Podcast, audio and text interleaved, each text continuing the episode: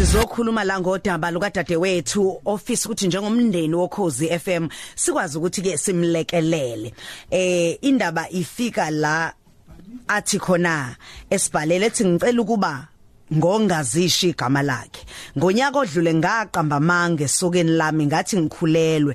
Khona lizongilobola ngoba ngiyalazi ukuthi lingumuntu okhonza ukwenza into eqondile njalo. So nangempela ke lalobola. ngoJanuary kuwo lonyaka ngathi ke isisu siphuphumile. Laphatheka kabi kakhulu isoka lamlazela solo omunye wodade wabo abangahoshelani naye ukuthi mhlawumbe kukhona angenze khona angenze khona lapho ke mina unembeza ukudla uyangidla ubusuku nemini. Manje besilokhu ke sizama ukukhulelwa futhi besilokhu sizama ukuthi ukukhulelwa futhi kungalungi. Useze wathi ke asiye kubantu ababonayo. Manje ngisaba ukuthi ke bazobona ukuthi ke angikaze ngikhulelwe. Uma ngimtshela uzongishiya kodwa uma ngingakamtsheli uzoqhubeka eh azonda udade wabo noma abanamanga bavele bayiveza imfihlo yami. Ngiyazisola kodwa kodwa ngeke ngikwazi ukuba inhlekisa kamabuye emendweni.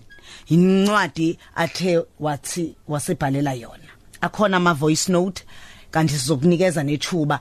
Selulekane njengomndeni. Hey nzima nalendaba yokweluleka umuntu. Kwake wangehlela twangiluleka umuntu. Ngiseluleka nami. So ke into enzima ngoba uyabona okoqala lo muntu usuke eze kuwe ngoba esuke ethembile ukuthi uzomnikeza iseluleko.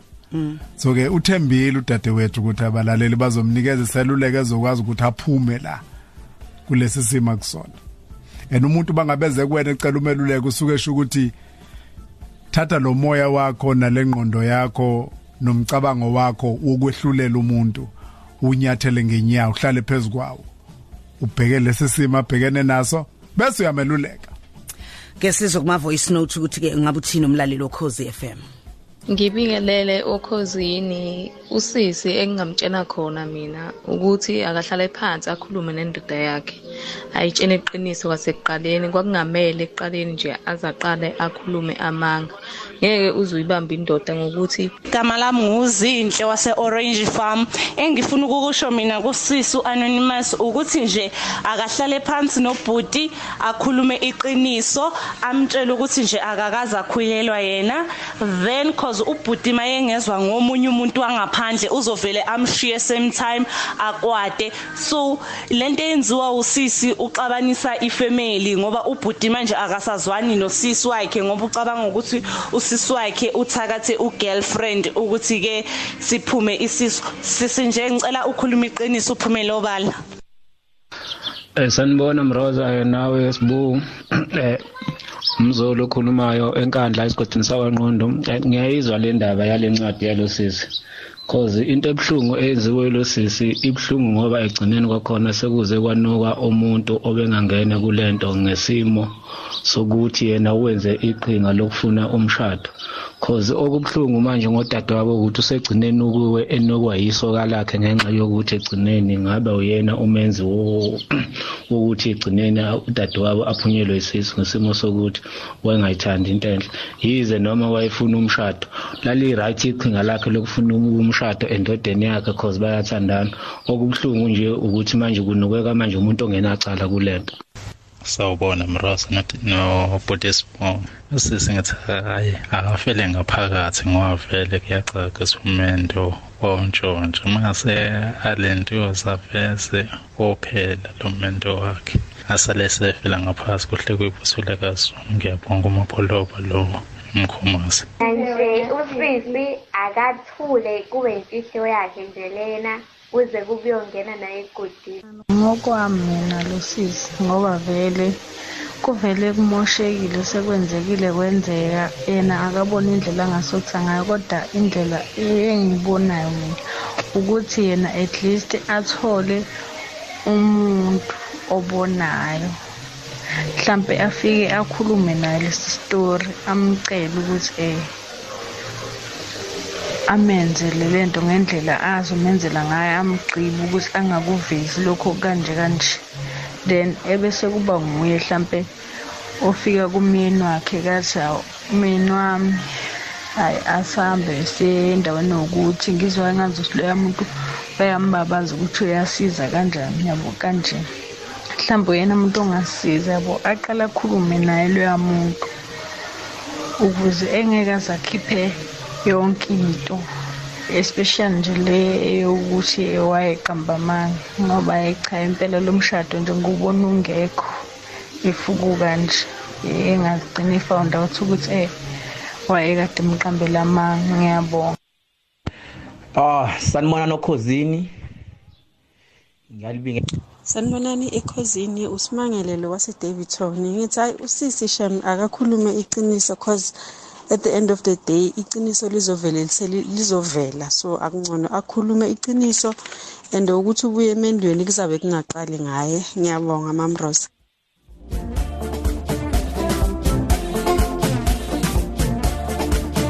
Hey. Ake sithathe ingcingo siza ukuthi bathini incingweni. Thatha oqala ukukhoze sikubingelele. Khoze? Malume. Wena wakithi? Unjani? Khona mshana uphilile wena? Ikhona ixesha liyanhlekelela. Ila iForce Mall. Ya ngiyayizwa kancane inkulumo nje kodwa ah malume mina ngokwami ukubona. Hayi.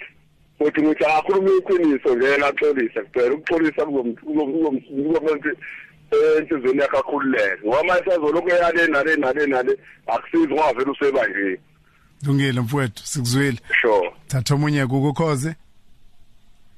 Khoze sikubingelela. Khoze Shana. wena wakithi? Ah sikhona ukhuluma nomathunja samansini. Yebo mathunju. Yebo cha.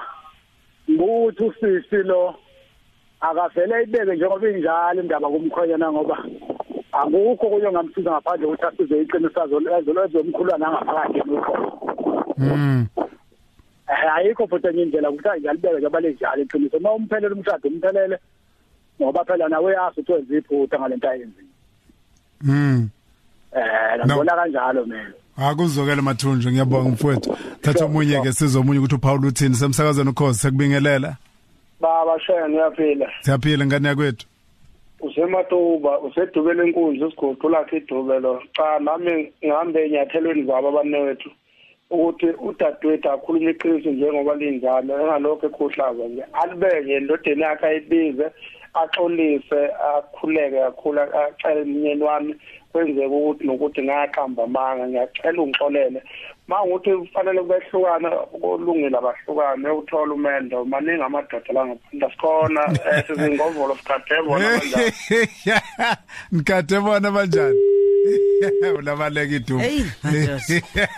Umzini utheni kodwa? uthi sikhona sizingovolo Hawu.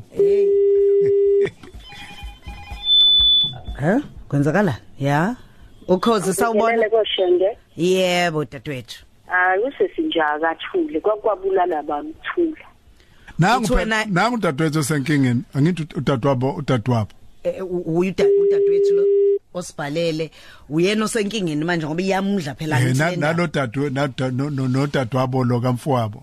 udadewabo kamfowabo akazi ngoba sekunukwa yena nje kuthi uyena othakathile kanti lo umenzi uyazi ukuthi kwadadewabo loyo akakwenzanga lokho King, nayo yizo inkinga. bengahoshelani nomfowabo kodwa kulesi sikhathi akuyena ke lo dadewabo Nanso inkinga. uyacabanga ukuthi mhlawumbe mele indaba isingaqhunjuzwa kuqhunjuzwa ithumba ithumbu sekungathiwa usengabuye bebuyisana be- be- be- bekhumelana umlotha Mm. udade wa udade nomfo bethi hawu ingane yakwethu mnewethu sixabana iminyaka nyaka singakhulumisana mhlambe kukhona nokunye besikubanga kanti akulona iqiniso se- Mm. seliqhunjuzwa qiniso. ukuthi kanti sengike ngakuzonda iminyaka emingaka kanti ngikuzondela ubala kusukela ngonyaka odlule Umzwelo omunye kodwa umlaleli owathathela amanga ngambona ukuthi wayisa ku higher grade ke manje. Wathi lo sisi umakoti lo akahamba yofuna umuntu ohlolayo afike agqiba umuntu ohlolayo akhamanga kumuntu ohlolayo abese buye eza kumyeni wakhe azothi kumyeni wakhe kukhona ukhokho vula womhloli lapha asambe siye kuye. Kanti uyazi ukuthi usemsebenzile.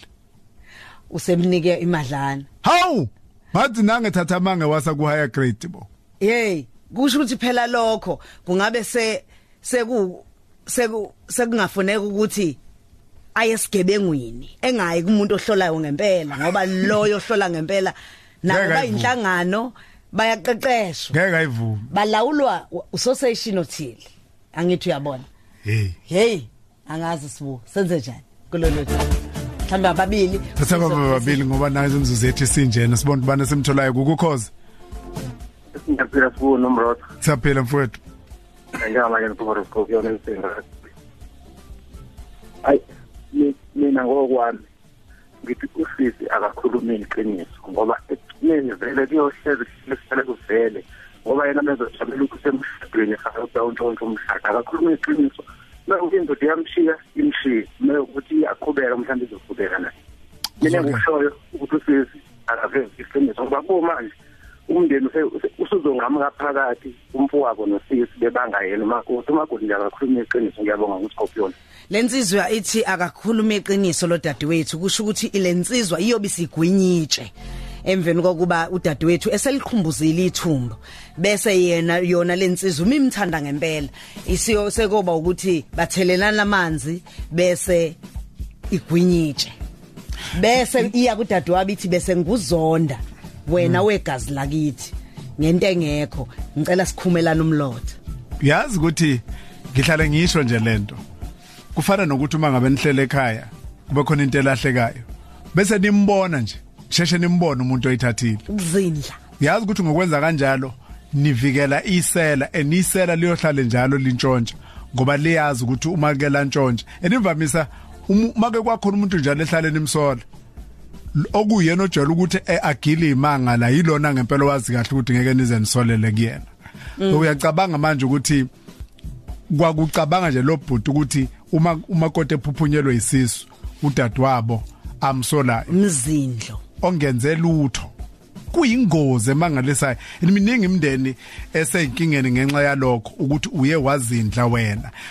Oku oku- ubhekane neqiniso. Ngiyalazi ukuthi iqiniso lesinda kunamanga. Mangalula kakhulu umroza afana nephepha. Ungandiza nawo wanikeza bonke abantu abakhona la ashesha afika umhlaba wonke. Kodwa iqiniso liyasinda. Kodwa ngelinye ilanga okulibheka iqiniso ukuthi ngimcabanga kanjani umuntu? Ngize ngithathe lokho ngikwenze saqiniso ngibe ngazi kahle ukuthi ayikho into ekhombisa ne nekwazi ukusekela umcabango wami. Ngoba phela fanele kube nezinto ezikwazi ukusekela umcabango wakho. Kodwa kugcineni kwakho konke udadewethu uthi enze njani? Ngoba indaba ila. Ngilikhiphe ithumba ngilibhoboza ithumba ithumbu noma ngithule ngize ngife. Iqiniso yilona elikhulula umuntu. Sifundiswe lokho ukuthi ngoba in- into eyinkinga kakhulu umthwalo sokuthwele ngonembeza. Unembeza uyinkinga ke uyakhathala. Ungakhathala uyithole ugula. Singazi njoba ukuthi uphethwe sikhuluma nodokotela exactly njoba sikhuluma nodokotela umlife ekseni yebo kanti eh ingenxa ukuthi inhliziyo yakho unembeza wakho uthwalisa icala ufanele ngabe wayikhulula kulo kudala. Ukuze okungenani udonsa isigwebo sakho bakuthi isigwebo sakho sithi lo muntu obuza shada naye ukuphindisela kini.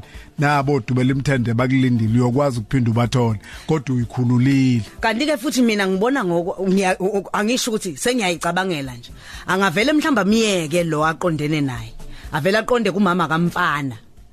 Lo lobolile kumama ezala afika athi mama ez- athi ma athi ma na- zaphuma inkomo zakwakho zamabheka. Angaze ngikhulelwe nami ngangizama njengoba nawe ula kulomuzi nami ngangizama. Afika likhulume lonke iqinisa lihlanza liqede akekho umuntu ohlulwa uma wakhe. Uma wakho uyothi noma ethi uyathetha lo hey hey hey hey hey mina le le ntombazane ngiyayeka athi uma wakhe hey kwaphuma inkomo la. Akaxolelwe bese evela ashelilodwa nje igama umama athi akhosoka lingena sici hawu iphothulile mroza. Ma- masingathi sisafuna ukuthi senezele okunye eh ngabe impela sesifuna ukuyona usuyiphothulile asabi Umroza right here on Ukhozi FM